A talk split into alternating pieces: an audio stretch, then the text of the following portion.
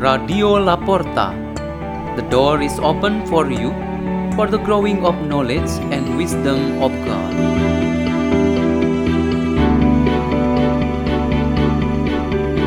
Delivered by Victor Mario Havel from the Church of Santo Yohanes Bosco in Jakarta, Indonesia.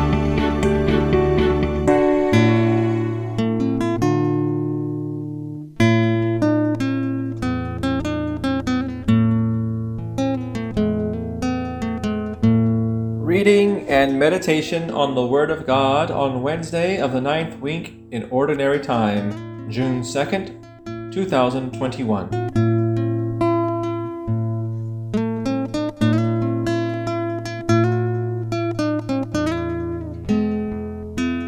The reading is taken from the Holy Gospel according to Mark 12 18 to 27.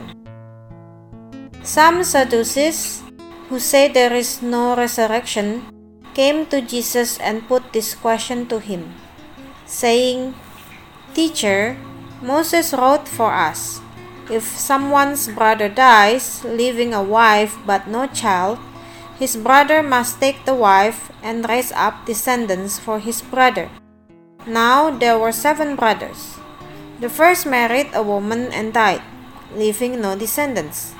So the second brother married her and died, leaving no descendants, and the third likewise.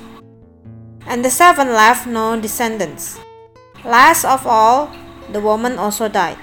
At the resurrection, when they arise, whose wife will she be? For all seven had been married to her. Jesus said to them, Are you not misled because you do not know the scriptures or the power of God? When they rise from the dead, they neither marry nor are given in marriage, but they are like the angels in heaven. As for the dead being raised, have you not read in the book of Moses, in the passage about the bush, how God told him, I'm the God of Abraham, the God of Isaac, and the God of Jacob? He is not God of the dead, but of the living. You are greatly misled. The Gospel of the Lord.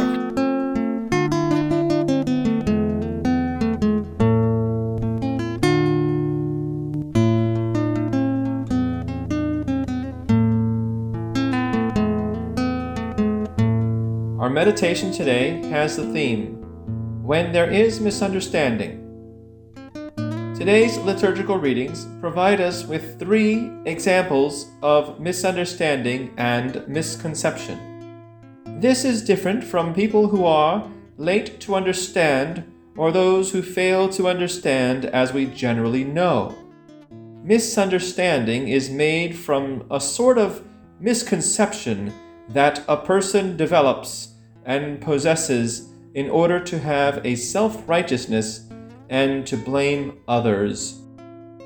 Tobit, who was a truly faithful person and a genuine believer, had misunderstood love, mercy, and the greatness of God. In pain, suffering, and the torment of sin, he already had a conception that God was not kind to forgive or provide a way to change. So he asked the Lord to take his life from the world. Likewise, Sarah, a woman who was married to seven men, but all of them died because they were killed by the demon Asmodeus, felt that her mistakes were very extraordinary and grave. So she wanted to end everything by killing herself. For her, killing herself was the best possible solution. All these accounts are from the book of Tobit, and they are our first reading for today. Furthermore, we know from the gospel today that the Sadducees, who did not believe in the resurrection of the body, had also misunderstood the teaching of Jesus, saying that in eternal life the biological husband and wife would continue their marriage life there. They were completely misled because they thought of something like changing the address of a residence in the world to the other world in eternal life. Jesus affirmed that they really misunderstood the point of his teaching, and that surely had led them into the wrong direction. If there is misunderstanding, the simple question should be this one What should we do? Maybe some of us simply enjoy how they misunderstand things. They defend themselves and try to achieve their goals in that manner. They follow the path of the Sadducees. Maybe some think over again something they have misunderstood for a certain time, realizing that there is God, the source of all goodness from whom they find peace, consolation, enlightenment, and a way that leads them to a better understanding. To take this way, they must repent and ask for forgiveness. They follow the path of Tobit and Sarah. Furthermore, some people have led their lives in the path of Jesus Christ, as they believe that if there is misunderstanding, they should not let it become a big problem. When any form of misunderstanding is allowed to grow bigger, they are actually preparing a bomb of evil that will explode someday. This manner of treating misunderstanding should be accompanied by an awareness, by learning and training, persuasion, heart to heart assistance, education, so that any sort of misconception would be first clarified and solved. The only point is that we all should stand for a correct understanding in the journey of faith.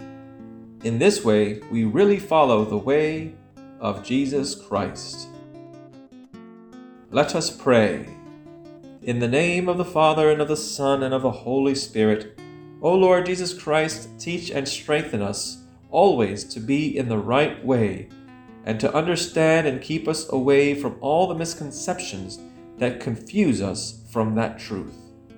Glory to the Father, to the Son, and to the Holy Spirit, as it was in the beginning, is now, and ever shall be, world without end. Amen. In the name of the Father, and of the Son, and of the Holy Spirit. Amen. Radio La Porta. The door is open for you.